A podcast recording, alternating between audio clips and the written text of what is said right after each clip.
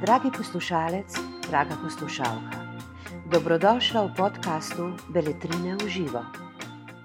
Tokrat se boste o knjigi Kristine Morales, Bojevniki, pogovarjali Veronika Rot in Nina Cijan. Lepo pozdravljeni v Beletrini v živo. Danes bomo govorili o delu Kristine Morales, Bojevniki. O romanu se bom pogovarjala s prevajalko dela Veroniko Rot. Veronika, lepo pozdravljena. Lepo pozdravljena. Pred nekaj dnevi je na festivalu Fabula gostovala avtorica Kristina Morales, ena najbolj prodornih avtoric svoje generacije. Želela vas je srečati. Kakšno, kakšno je bilo pravzaprav to srečanje? Bilo je zelo simpatično. Sicer so bili s Kristino Morales v stiku že prej, zgolj po mailu, ko smo razreševali določene dvome, ki sem jih jaz imela pri prevajanju, pa tudi še potem v času priprave na tisk, ker jo je zanimalo, kako sem določene pojme razrešila, do katerih je veliko pomenilo, da, da se resnično pomensko čim bolj približajo izvirniku. Moj vtis o Kristini Morales je bil nekako takšen, kot sem si jo predstavljala tudi že, že prej. Mislim, da je zelo drzna ženska, odločna, provokativna in zelo ostro misleča. In prav takšni so tudi njeni bojevniki. Kdo so pravzaprav bojevniki? Nekje v knjigi zapiše nekako takole: Boriti se je preskakovati kolebnico. Kdor preskakuje kolebnico, se bori. Kdor preskakuje kolebnico, je bojevnik. Torej, kdo so ti njeni bojevniki? No, ti bojevniki bi jaz nekako rekla, da je v prvi vrsti so mogoče ta gledališka skupina, ki se bori že na odru in tudi v življenju. Bojevnik je pa v bistvu vsak, ki se upira nekim določenim okostenelim formam. In na neki način je ta boj igra, kot je preskakovanje kolebnice, po drugi strani so pa bojevniki in boj zelo resna stvar. Je pa že tukaj, na primer, prva ta dilema, kako španski naslov sploh prevesti v slovenščino, in tukaj sva se s Kristino tudi posvetovali. Kajti bojevniki v njenem pomenskem polju niso, so v bistvu uporniki, gverilci, borci, navezuje se tudi na čisto konkreten boj, na primer karateisti ali boksarji, in v slovenščini je mogoče to, ta zelo širok pojem težko zajeti. In jaz sem bila v dilemi, ali uporabiti uporniki ali bojevniki ali borci, ampak glede na naš kontekst, mislim, da je boj in bojevniki najbolj ustrezna beseda. V španščini, če se ne motim, gre pravzaprav za neko besedno igro, a ne, med bojevniki, kolebnico, combatientes.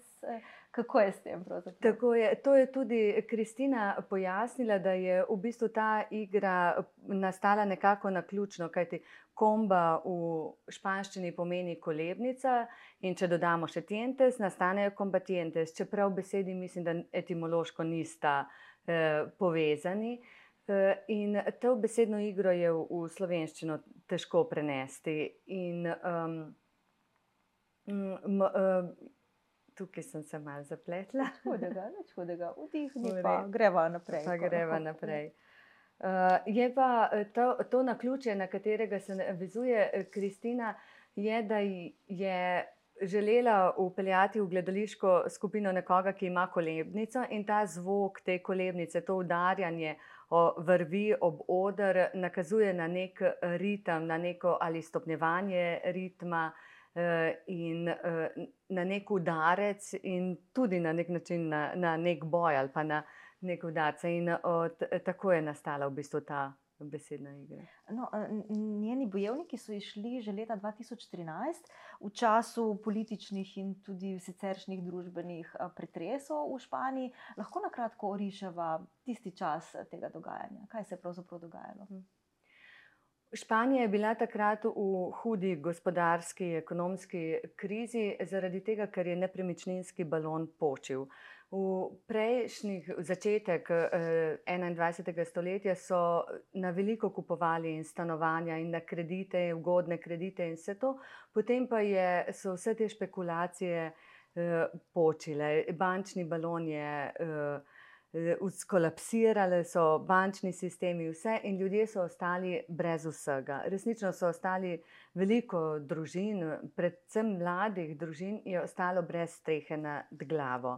Uh, morali so vračati uh, denar za stanovanja, ki so jih prodali, niso še zdaleč dobili toliko, koliko so bila vredna. In to je prineslo v Španijo nek velik obup in tudi nezadovoljstvo in seveda pa tudi brezup mladih generacij, ki niso videli neke možnosti rešitve ali oziroma nekega prihodnosti v vsem tem, kar je sprožilo tudi proteste, gibanje 15. maja in Tako da je bila situacija resnično težka. Ob enem pa so se pokazala tudi vsa ta trenja med temi konservativnimi in bolj naprednimi strujami, ali pa konservativnimi in socialističnimi strujami. Torej, tudi na političnem prizorišču je bilo kar precej pestro. In Kristina uh, Morales se je znašla nekako sredi tega, stara. Je bila koliko? 25, 25 tako nekaj takega. Eh, v bistvu končala je študij iz Granade, se je preselila v, v Barcelono, kjer je bilo to vrenje in trenje morda še najmo, zelo močno, najmočnejše. Eh, in nekaj časa živela celo v Skotu, in v tem času je tudi napisala te svoje bojevnike. Um, na nek način polaga veliko uh, upanja, prav, prav na mlade, kot si omenila, da so mladi ti, ki lahko z nekim uporom um, prinesejo neke spremembe.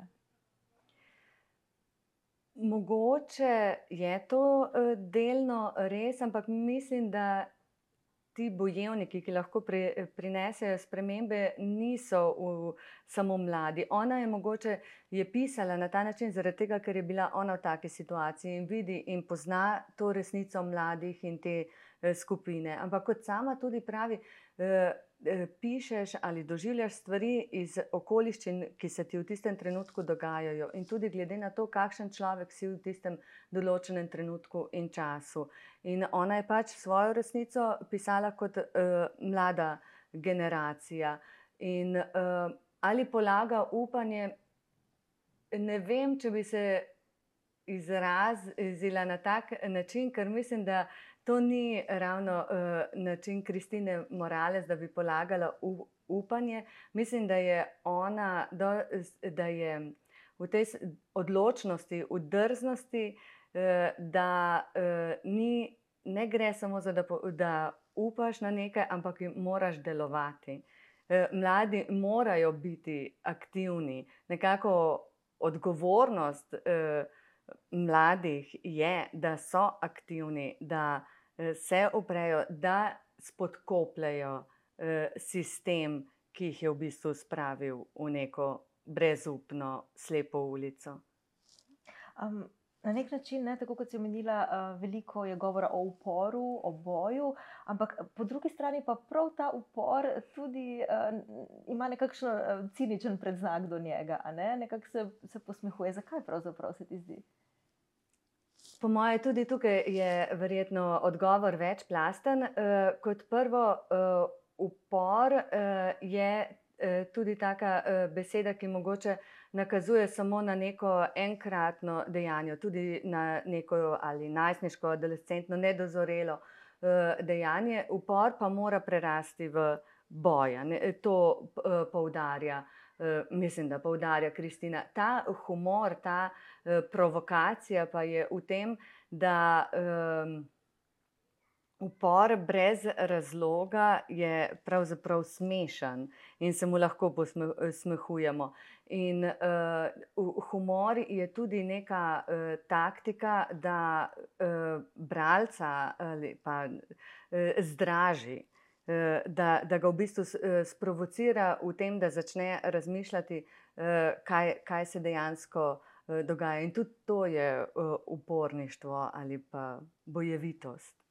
In ko menjaš in to duhovitost in pač kritiko nekega sistema, ki ga tudi sama opisuje, nekako čez celoten roman je čutiti tudi to vprašanje feminizma, položaja žensk v družbi in tudi še posebno v literaturi ko je govora o neki okrogli mizi, recimo, mogoče samo za občutek, um, tam je okrogla miza avtoric s podnaslovom, tudi one pišejo z vprašanjem, pa potem Kristina pravi, um, da bi raje spremenila v pa kaj potem, če tudi one pišejo. Kako pravzaprav zastavlja to, to vprašanje žensk, položaja žensk.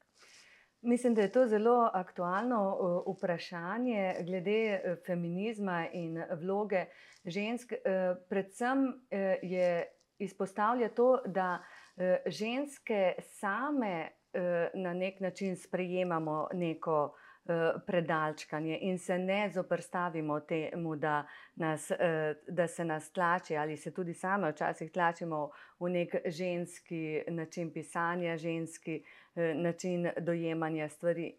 In ona se prav temu upre, da je treba gledati na enakopraven način, če obstaja žensko pisanje, potem bi moglo obstajati tudi moško pisanje, in uh, izpostavlja to, da je nepotrebno uporabljati te pridevnike, te oznake žensko, moško. Gre za enakovrednost, gre za avtorja. In če so uh, moški avtori, potem so tudi ženske lahko avtorice oziroma uh, pisateljice. Uh, Eh, ta humor, ki ga tukaj uporablja, je resnično zelo pronicljiv in gre na obe strani, tako na žensko kot na moško eh, stran. Mislim pa, da je v vsem tem njenem humorju eh, veliko resnosti, da gre za zelo resne stvari, ki jih pač predstavi na, skozi te anekdote. In ta okrogla miza, Eh, je resnično po eni strani eh, smešno, kakšno, kakšno reakcijo vzbudi v ženskah, ki eh, se nekako zelo ponižno branijo, da saj niso mislili, tako nisem hotela priti, tudi jaz bi si želela upreti temu, ampak dokler tega ni, nihče ne stori, ni, se, ni niti razmisleka o teh stvarih, da je nekaj narobe. In če se ne motim, eh, tudi na literarnem večeru je bil prav en odlomek iz tega dela, a ne prebran. In uh, publika je bila navdušena in uh, zelo pospremila z uh, tudi smehom in uh, nekak, nekakšno duhovitostjo. Ja, smeh je zagotovo do, dober pokazatelj, da uh, doseže uh, ljudi, ampak uh, mislim pa, da ni bistveno samo to, da nas uh, nasmeje, ampak da nam da misliti. In uh, ta roman uh, zagotovo da misliti, tako kot teme, ki so zelo uh, pomembne, ki jih izpostavlja, pa je uh, zanimiva tudi sama struktura dela. Um, gre za nekakšen hibrid med romanom in um, dramo. In tudi, če se ne motim, na literarnem večeru je omenjala, da ko je pisala. Je bila kot nekakšna režiserka predstave, ampak da se oba, oba ta žanra pa oplajata. Kako vi vidite to? Bi eno brez drugega sploh uh, lahko delovalo, ali je pravzaprav ta popolna, um, ta skupek, ta, ki potem deluje tako, kot deluje? Mislim, da je to, da je ta skupaj ta, eh, ta tisti, ki deluje tako, kot eh, deluje. Eh, in če bi bilo, ne vem, ugibanje je mogoče, tudi ni moja stvar, mogoče je bolj vprašanje avtorice, ki je pa tudi eh, povedala anegdoto, da je v bistvu na tak način pisala, ker se je želela prijaviti na natečaj, ker sta bili dve kategoriji. Kategorija romana in kategorija eh, drame.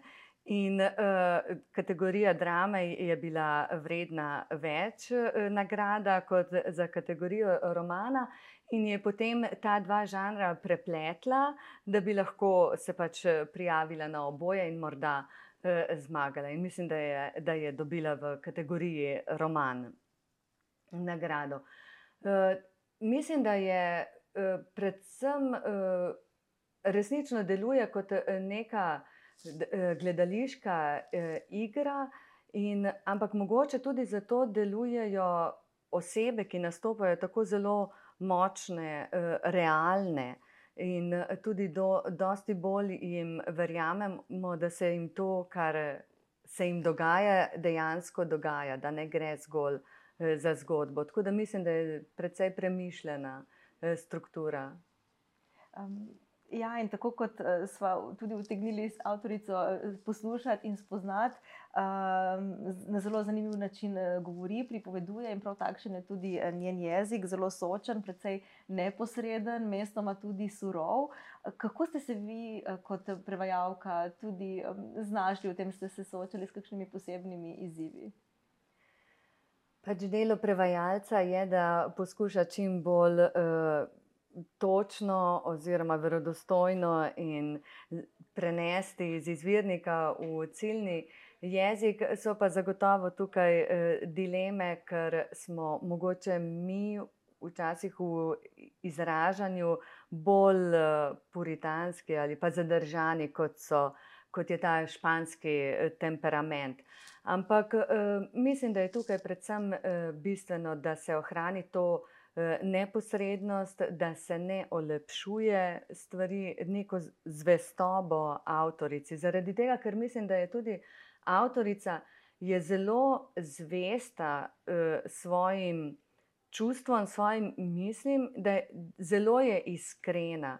In, in mislim, da je to potrebno uh, prenesti, to iskrenost tega njenega izražanja in, strukturiranja in stavkov besed in same zgodbe. Tudi nekateri deli so v izvirniku napisani tudi v angleščini in francoščini, če se ne motim. Tudi vi ste tako pustili. S kakšnim namenom mislite, da, da je na ta način bilo napisano? Kot nek paralelni svet je želela ustvariti avtorica. Kako ste vi to doživeli? To je tudi v tem uh, primeru gre mogoče za te intertekstualnosti, zaradi tega, ker ko govorijo o gledališču ali pa o teh debatah o gledališču, eh, se nanaša tudi na neke druge avtorje, ki jih pač eh, bralec zazna ali ne zazna, odvisno od njegove izobrazbe, od njegovega poznavanja ali gledališča ali določenih pač literarnih struj. Eh, niti mogoče za bralca ni, ni tako zelo pomembno, da neke te jezikovne prijeme ali intertekstualnosti eh, pre, prepozna, ampak za samo strukturo eh, in način pripovedovanja Kristine Morales pa je pomembno, zaradi tega, ker eh, lahko poleg tega, da gre za dra, dramo in roman, bi lahko rekli tudi, da gre za nek gledališki manifest, način ustvarjanja gledališča in ki je pa tudi eh, boj in spodkopavanje nekih eh, ustaljenih gledaliških eh, form. In v tem smislu mislim, da lahko prepleta tudi to medjezikovnost, da vnaša tudi neke tuje prvine in s tem pač razbije nek enoličen ali pa zgolj linearen tok branja. Tako kot ste omenili, ta gledališki odr je zelo prisoten, eh, nekako ta performance spremlja celotno delo. In zdi se, da prav skozi to optiko nekega, recimo, temu potvarjanja, tudi norčevanja, poskuša doseči neko resni, resnico stvari, ne se poskuša dokopati do, eh, do neke resnice. Mislim, da to, eh, ta, ta usporednost, paralelnost, ne, ki smo jo omenili, je, je pri tem pomembna. Zagotovo je pomembna in Mislim, da se predvsem eh, poskuša dokopati do neke pristnosti, zaradi tega, ker resnica, kot smo tudi že rekli, je resnica vsakega eh, posameznika eh, ali okoliščin. Težko govorimo o neki absolutni resnici. Je pa odr zelo pomemben, mogoče tudi kot prispodoba celotne družbe, celotnega odra in uh, ta gledališka skupina nas uh, izziva uh, v tem, koliko mi prenesemo od nekih struktur, ki so nam usiljene, in koliko si oni upajo te strukture razbiti. Zaradi tega, ker mislim, da gre v zelo veliki meri tudi za to, da za, za neko spodkopavanje, za neko rušenje ustaljenih norm, ampak kot Kristina pravi, te, to rušenje se izvaja znotraj sistema in tudi kot del sistema. Ampak tudi, če si del nekega sistema in del sistema smo vsi, ni potrebno, da se prepustimo neki ponižnosti. In tudi jaz mislim, da mogoče razgalja tudi neko to um, hinavsko hvaležnost. Ona pravi, če uh, ti nekdo uh, ne, da, uh, roko, ki te hrani, lahko ugrizneš, oziroma je tvoja dolžnost, da jo ugrizneš, v tem smislu, kot so ti njeni bojevniki, zaradi tega, da lahko. Ravno zaradi tega boja znotraj eh, sistema, drugače te sistem poniža in si te podredi.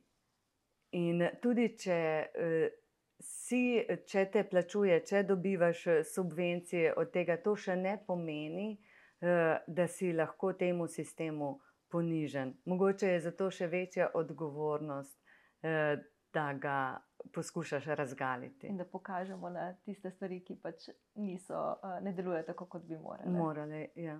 Skratka, eh, delo polno protislovi na nek način, provokativno, ki šokira in um, definitivno priporočava obranje.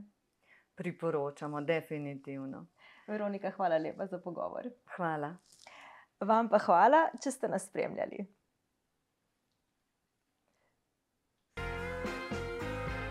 Najlepša hvala za vašo pozornost.